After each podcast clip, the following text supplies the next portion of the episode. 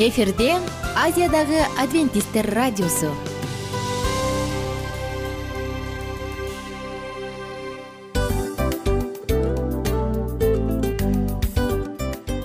Достор салют. Баардык сүйүктүү угармандарыбызга салам айтабыз. Кутман күнүңүздөр менен.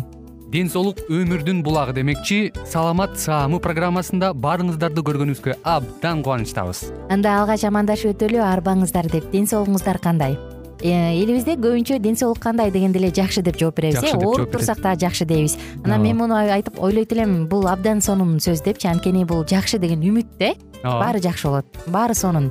Деп үмүттөнүп атып эле өзүбүздү өзүбүз дарылап коебуз. Анысы кандай? Сиздин дагы ден соолугуңуз жакшы беш деген үмүттөбүз чындыгында ден соолук бул өмүрдүн булагы деп бекеринен айтылган эмес деп ойлойм. Кыргыз элинде анткени эгерде ден соолук жок болсо анда адамдын жашоосунда калган баардык керектүү маңыздуу нерселер өзүнүн баалуулугун жоготуп коет. Ошондуктан ден соолук бул эң керектүү нерсе. Ооба туура айтасың кесиптешим. Чынында ден соолугуң жок бир эки үч күн ооруп калсаң эле э кандай болуп калат? Жашоодо көз каранды болуп каласың көп нерсеге жетишпей каласың көп нерсени кыла албай каласың жада калса эшикке дүкөнгө да чыга албай каласың. Туптуура анан ден соолук болсо демек биз биздин бактыбыз тоодой деп койсок болот. Анда достор саламат саамы рубрикабызды баштайлы. Алдыда өзүңүзгө керектүү болгон сонун кеңештерди уга аласыздар. Мына ошондуктан биз менен бирге болуңуздар. Ал эми биз болсо милан жана айнура. Кеттик алга. Алга саламат саама ден соолуктун жарчысы. Саламат саама ден соолуктун ачкычы. Күн сайын сиз үчүн мыкты кеңештер сонун жаңылыктар кызыктуу фактылар биздин рубрикада.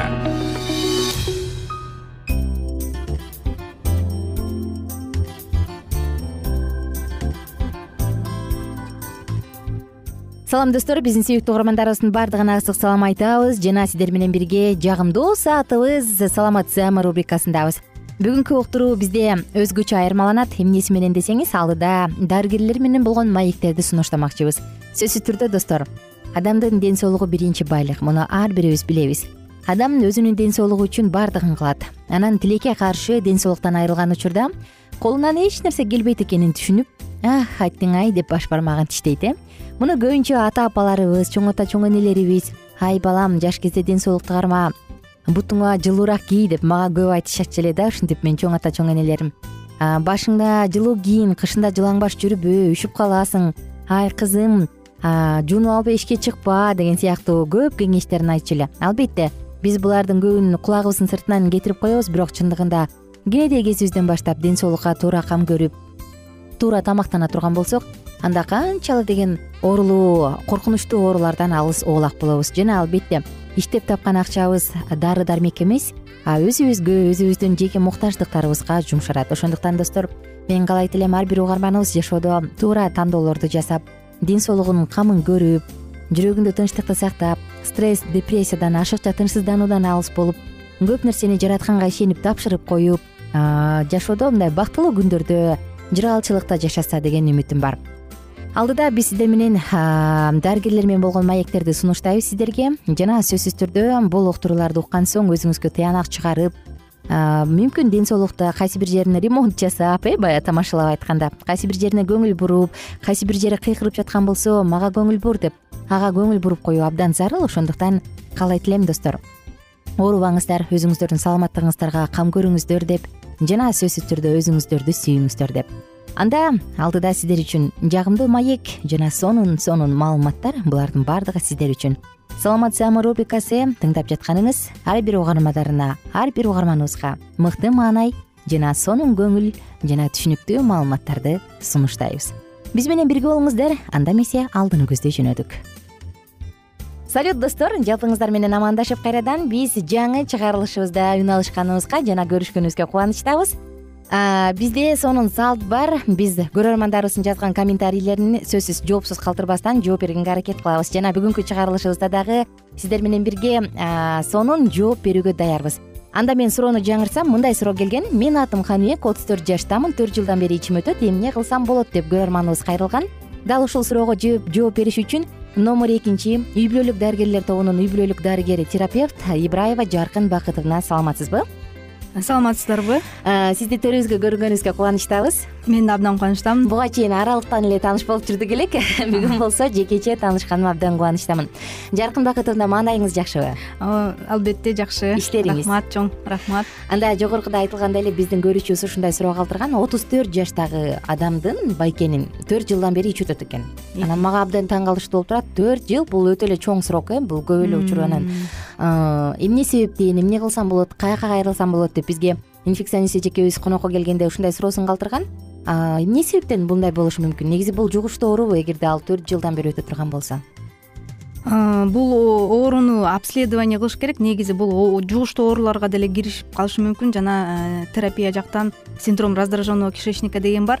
Ал э, дал ушундай симптомдор менен э, эки жылдан ашык деп атпайсызбы? Ошо эки үч төрт жыл керек болсо өмүр бою ушундай ичип өтүп жүрө бериши мүмкүн анын себептери абдан көп. Инфекция болушу мүмкүн. Же нервдик системадан козголуп калса жана жана дагы башка көп причиналар абдан көп да анын баарын исследование кылыш керек да. А биздин жугуштуу оорулар боюнча э, ушул эки жыл же андан көптөн бери ичип өткөндү бул жанагы э, вич инфекция болгондо дагы э, адам баласы ооруп калат да ошондо ушу билбей эле жүрө берет анын анткени анын жанагы жанагы жуккандан кийин билбеген он жылга чейин билбей жүрө берет анан эң биринчи симптомдору ушу ичип өткөн болуп саналат да. Же болбосо дайыма гриппке козголушу мүмкүн же ичип өтүп кетиши мүмкүн да. Анан ошо ичи көпкө чейин өтө берсе анда сөзсүз түрдө вич инфекцияга обследование кылыш керек.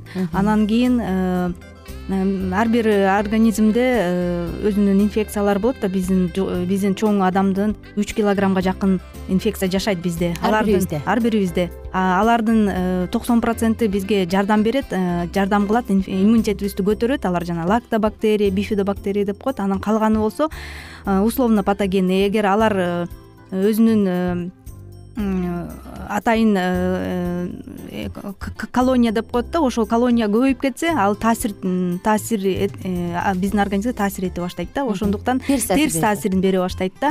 Анан балким бул адамдын иммунитети ушунчалык түшкөн. Балким хронический стрессте болуп атабы же башка фоновый заболеваниялар бар балким ичкен тамак ашы же жашаган жери климаты бузулуп турган болсо бул ошого башка терс таасир эткен биздин условно патогенный инфекциянын көбөйүп кетиши көбөйүп кеткенде дагы ичип өтө берет да тез тезден анан кийин бирок мунуку айтып атпайбы бирде төрт жылдан бери запор болуп ичи катып калат бирде суюк болуп баягы ичип өтүп кетет депчи. Бул көбүнчө жана терапияга караштуу синдром раздраженного кишечника деген бар. Анан ошол болушу мүмкүн да. Аны Э, тереңирээк обследование кылыш керек. Ал үчүн терапевттерге кайрылса э, жанагы э, жанагы бүт канынан жанагы богунан колонияларды канча ошолорду изилдеш керек да анан кийин айтса болот. Анан башка причиналарды дагы жок кылыш керек да. Демек бул байке биринчи кезекте инфекционистке эмес а терапевтке барып кайрылып андан кийин андан кийин канын заңын баардыгын обследование кылып диагнозун өткөрүш керек э? Ооба анткени деген э, инфекционистке э, көбүнчө э, острый периоддо келет анан кийин эгер ичи ушунчалык өтсө бир жуманын ичинде эле бул алсырап обезвоживание болуп уже уже болбой калмак да а эки жылдан бери жүрсө демек бул чыдап келатат суунун э, жок э, потеря жидкости андай өтө көп эмес. и ошон үчүн көбүнчө терапевтке эле кайрылса билсе болот да жакшы. Чоң рахмат сизге жообуңуз үчүн. Жаркын бакытовна ыраазычылык айтабыз сизге. Ал эми биз угармандарыбыз менен коштошобуз. Мен ойлойм каныбек мырза өзүңүзгө канааттандырарлык жооп алдыңыз деп. Жана достор эгерде сиздерди дагы кызыктырган суроолор бар болсо дал ушул ден соолук жаатында ден соолук маселесинде анда бизге комментарий калтырыңыз буюрса кайрадан жооп бергенге аракет кылабыз. Жалпыңыздар менен амандашканча сак саламатта туруңуздар.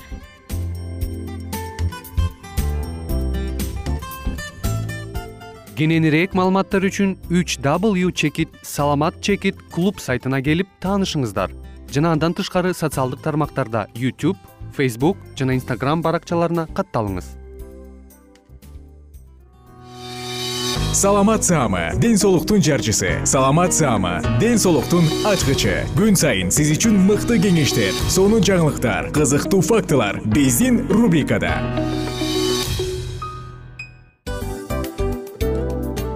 Салам достор. Кайрадан биздин сүйүктүү рубрикабызга кош келиңиздер деп айтмакчыбыз. Баардык замандаштарыбызга арбаңыздар деп саламыбызды айтабыз. Улуу ушундай бир урматтаган учурашуу менен анан дил маек радио баракчабызга чакырабыз. Негизи дил маек биздин рубрикабызда эмне жөнүндө кеп кылабыз бул дил маектин мааниси эмнеде рубрикабыз менен кичине тааныштырып кетсеңиз. Сөзсүз түрдө тааныштыра кетейин кесиптешим суранычы боюнча бул учурда бул радио баракчада биз ар тарап кесип ээлеринен сонун кеңештерди алабыз сүйлөшөбүз сырдашабыз аталарыбыздын эжелерибиздин апаларыбыздын кеңештерин угабыз. Айтор жан дүйнөгө адамдын э, сапатына адамдын деги эле адам болуп жашашына керектүү баардык кеңештер алдыда негизи э, дил маек дегенде баягы эки адамдын ортосундагы сырдашуу кенен сүйлөшүү. Негизи эле биз адамдар бири бирибиз менен бир жерге жай жерге отуруп алып өзүнчө тынч жашоо жөнүндө өмүрүбүздө эмне болуп атканын бөлүшкөнү жакшы көрөбүз э адамдар. Ооба туура айтасың анан мындай учурга кээде убакыт да жетпей келет э? Же болбосо сырыңды кайгыңды муңуңду кубанычыңды айткың келет адамга ишенбешиң мүмкүн. Ооба. А бул радио баракча угармандарыбыздын чыныгы досу. Анткени бизден алган кеңеш сиздин жашооңузга чоң жардам берет. Ал эми сиздин бизге айта турган сөзүңүз ортодо гана сыр бойдон калат. Ошондуктан биздин дил маек рубрикабызга дагы бир жолу кош келиңиздер. Жана биз даярдаган маалыматтарга даяр болуңуздар. Айнура жана милан сиздер менен бирге алдыга кеттик ар түрдүү ардактуу кесип ээлеринен алтын сөздөр жүрөк ачышкан сыр чачышкан сонун маек дил маек рубрикасында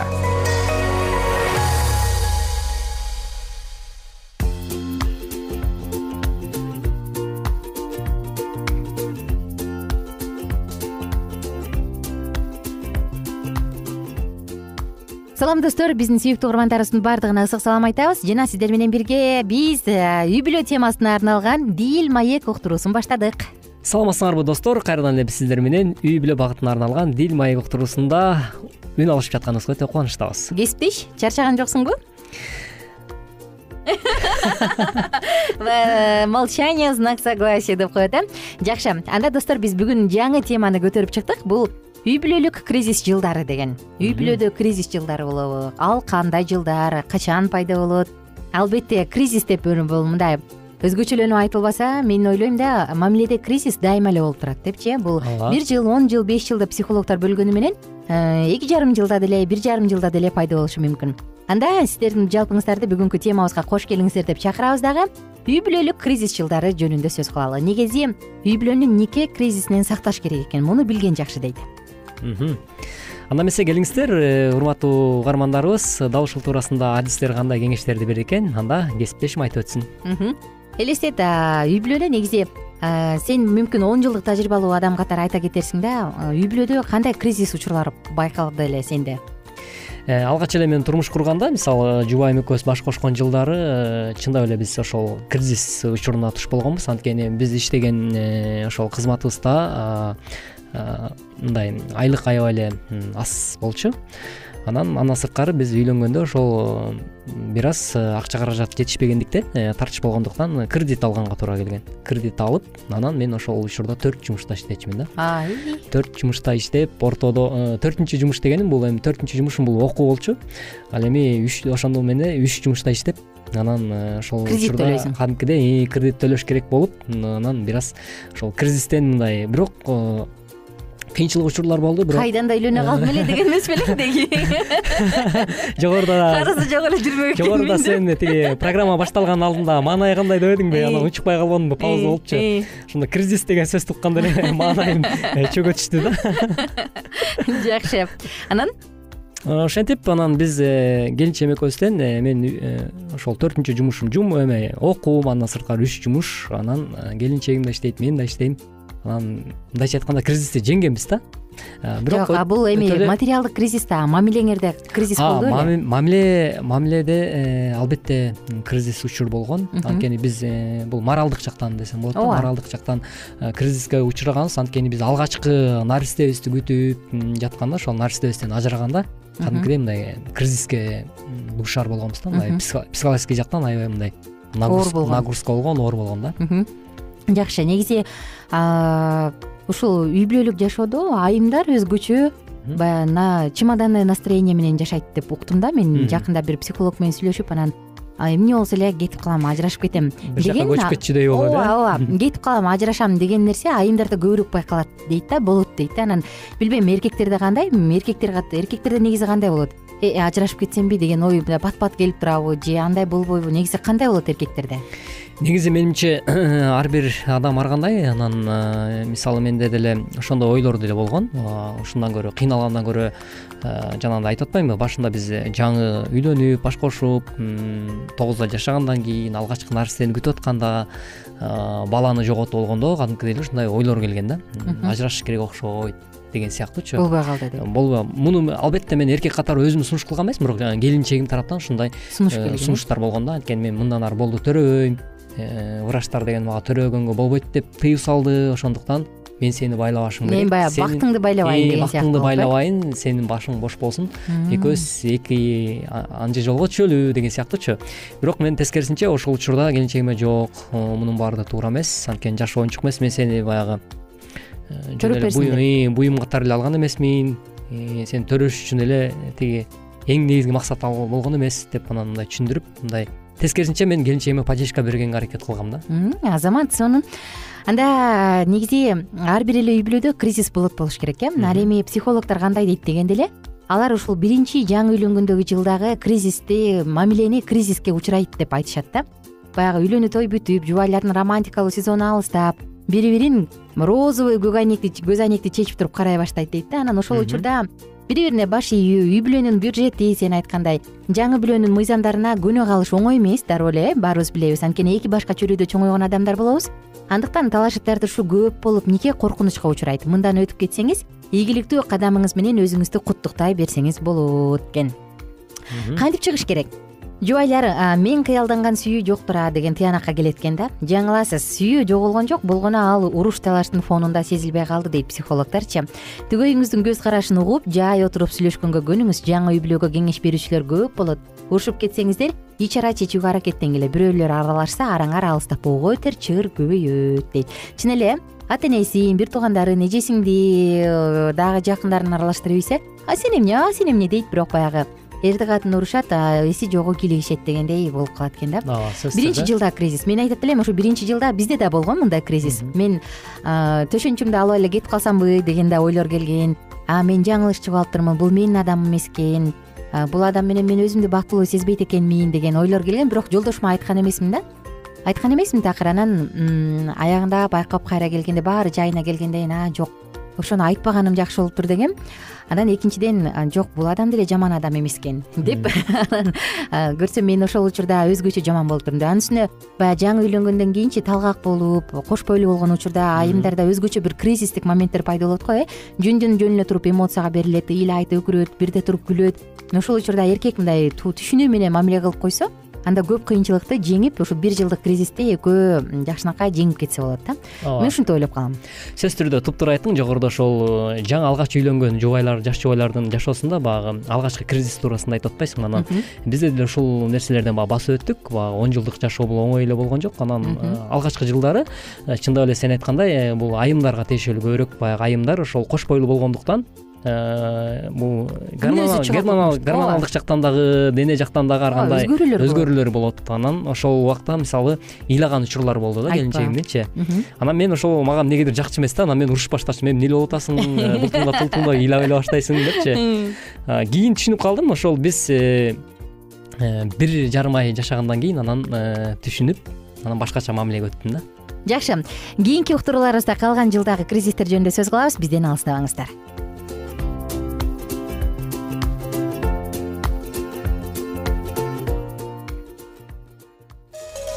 ар түрдүү ардактуу кесип ээлеринен. Алтын сөздөр жүрөк ачышкан сыр чачышкан сонун маек. Дил маек рубрикасында.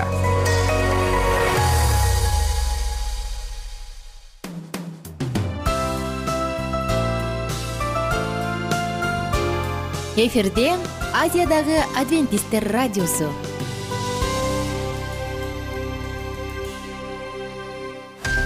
жан дүйнөңдү байыткан жүрөгүңдү азыктанткан жашооңо маңыз тартуулаган жан азык рубрикасы.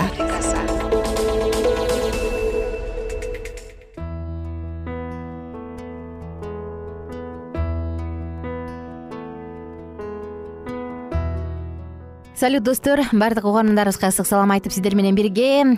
Жан азык рубрикасын баштадык. Кош келиңиздер кош келиңиздер ардактуу радио каармандарыбыз кайрадан эле биз сиздер менен дал ушул бүгүнкү программабызда өзгөчө маанилүү э, тема менен сөз кылып маегибизди улантмакчыбыз.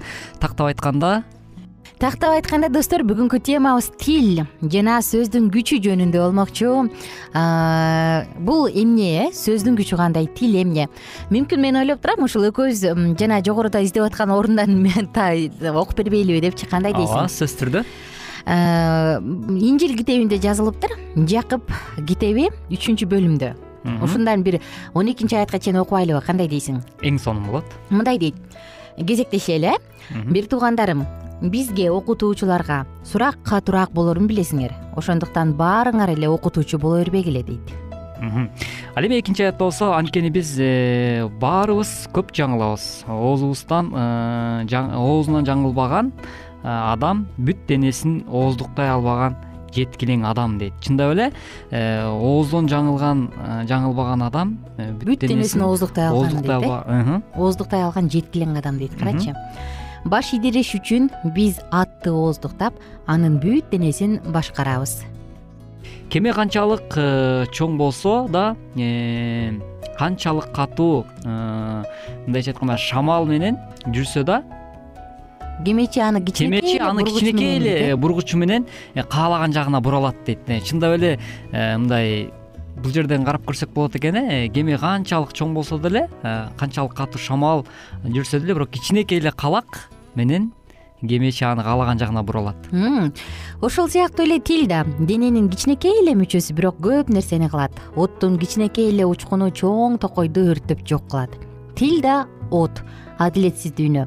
Денебиздин кичинекей эле жеринен орун алса да ал бүт денебизди булгайт. Оттуу көлдүн оту менен тутангандыктан бүт жашообузду өрттөп жок кылат. Мына сага. Мына ошентип чындап эле э, бул жерде айтылып жатат азыр э жогоруда кесиптешим окуп бергендей эле э, биздин тилибиз э, канчалык деңгээлде мындай чоң күчкө ээ экендигин баса белгилеп жатат ушул жакып китебинде. Аха ошо ыйык жазууда жазылган мага бир сөз абдан жагат да. Өлүм менен өмүрдүн бийлиги тилде дейт. Карачы канчалык деңгээлде чоң а биз көбүнчө өлүм менен өмүрдүн бийлиги тилде экенин билбей эле жөн эле сөз деп сөздү шамал кыргыта беребиз э көп учурда. Мисалы бир уктуруубузда экөөбүз мисал келтирип кеттик элек балдарын урушкан энелер жөнүндөчү ооба. Ушуну эле кайра мисалга келтирсек мисалы апалар бар да балдарын кыздарын укмуш жаман сөздөр менен бузулган аялдарга теңеген сөздөр менен урушат жүрөктү өйүткөн сөздөр менен э кара жерге кир анан дагы эмне өлүңдү көрөйүн дегенди айтат.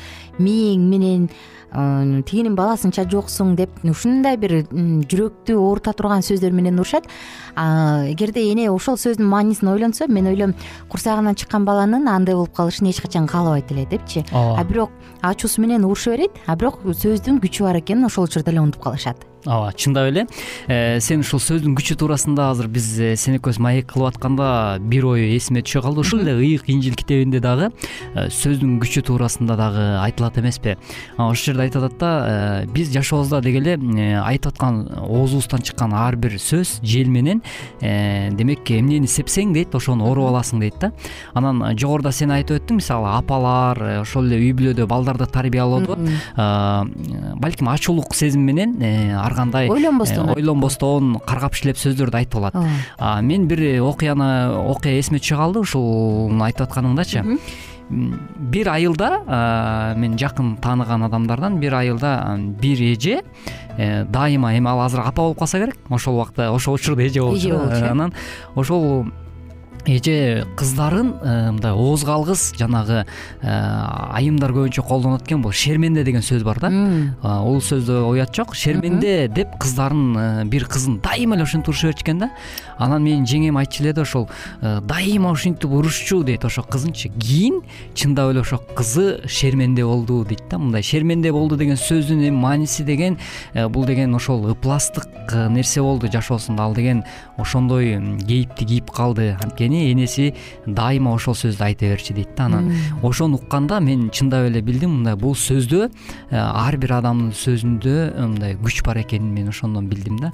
Анткени сөз адамдын э, адамдын оозунда сөз өмүрдө күч бар болгон себеби эң башында эле ошол мисалы ыйык инжил китебинен карап келсек деле кудай деле дейт. Бул э, башталыш китебинде эң башында кудай бул ааламды биз жашап жаткан дүйнөнү сөз аркылуу жаратты дейт да. Анткени сөз мен да ушуларды айтайын деп кудайда болгон дейт да. кудайда болгон дейт. Э, кудай сөз болгон дейт э? кудай өзү сөз болгон дейт да. Ошол сыяктуу биз дагы айтабыз го ошол ыйык жазуунун негизинде негизи эле адам негизи эле адам адам баласы бул кудайдын бейнесинде жаратылгандыктан демек кандайдыр бир деңгээлде кичинекей адам эки таноосу менен дем алган адам бул дагы ошол кудайдын образын чагылдыргандыктан демек биздин ар бирибиздин сөзүбүздө мындай күч бар экенин кээде унутуп калып эле анан бири бирибизге туура эмес сөздөрдү айта берет экенбиз. Туура айтасың туура айтасың кесиптеш. Абдан сонун мисал болду. Же болбосо жанагы элдик жомоктордон элдик айтылган кептерден уксаң энеси ушунча эле ушундай болуп калды көзүңдү урайын дечи эле көзүн чын эле жок болуп калды деген сыяктуу мисалдарды көп угасың го. А биз болсо эмне аны ачуусу менен айттым эмне мен андайды кааламак белем албетте андай каалабайм бул жөн гана сөз да деп коет да. А бирок ушул эле сөз чын эле өлүмдүн дагы өмүрдүн дагы бийлиги тилде. Кээде бир жеңелер бар го. Ии тим эле жүрөгүмдү жеп сөөгүмдү сыздатып айтат да ушул э, жолдошунун жөнүндө айтып калат да. Мээмди жейт андан көрө бир чаап койсо жүрөгүм мынча оорубайт эле дейт э сөз менен адамды жеп салышкандар бар э эле күнүн түгөтүп коор кылып казанга салып кууруп ийгендер бар э? Аял болобу эркек болобу айырмасы жок бирок мындайлар бар чындыгында. Анан э, адамды тирүү эле өлүк кылып койгондор бар да. Карап отуруп жүрөгүң ооруйт и эмне себептен мынча сөздөрдү колдонот деп кесиптеш биздин бул убактыбыз соңуна келейин деп калыптыр. Кийинки уктурууда улантпайлыбы кандай дейсиң? Сөзсүз түрдө албетте жакшы болот. Э, эгерде убакыттын тардыгына байланыштуу анда урматтуу угармандарыбыз э, бүгүнкү уктурууда биз сөз кылгандай эле сөздүн күчү биздин жашообузда сөзсүз түрдө өзүнүн жакшы жана терс таасирин тийгизет экен туурасында сүйлөштүк. Достор күнүңүздөр көңүлдүү улансын. Жалпыңыздар менен кайрадан кийинки уктуруудан амандашканча сак саламатта туруңуздар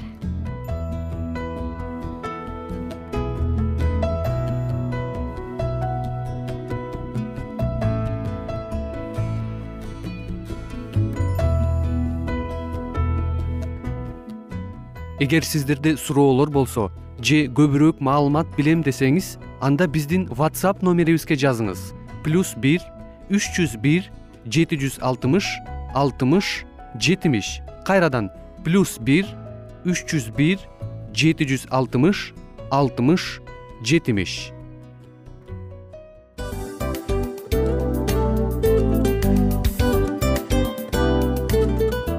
ушул менен достор программабыздын уктуруубуздун эң кайгылуу мөөнөтүнө келип жеттик.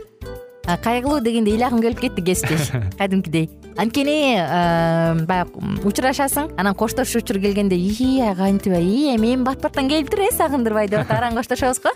Анысы кандай угармандарыбыз менен коштошчу учур келди. Кийинки уктурууларды сагыныч менен жүрөгүбүздө кусалык менен күтөбүз жалпыңыздарды анан жарым сааттык уктуруу көз ачышым канча өтүп кетти. Сөзсүз бирок бизде жакшы кабар бар. Кийинки уктурууларыбызда сөзсүз дагы кезигишебиз. Анткени биз көптөгөн сюрприздерди кызыктуу маалыматтарды жана керектүү керектүү нерселердин көбүнчөсүн даярдадык. Андай угармандарыбыздын баардыгына ийгиликтүү күн каалайбыз. Эгерде бүгүнкү күнүңүз өзгөчө э, өтүшүн кааласаңыз анда позитивдүү ой жүгүртүп жылмайып жакындарыңызга жакшы маанай тартуулап жүрө бериңиз анткени сөзсүз түрдө мунун арты кайтат э? Сөзсүз. Баягы ден соолугуң оңолот ал бул деп көп нерсени санап келебиз. Эң негизгиси бул сиздин жашооңузду жаркын кыла түшөт экен.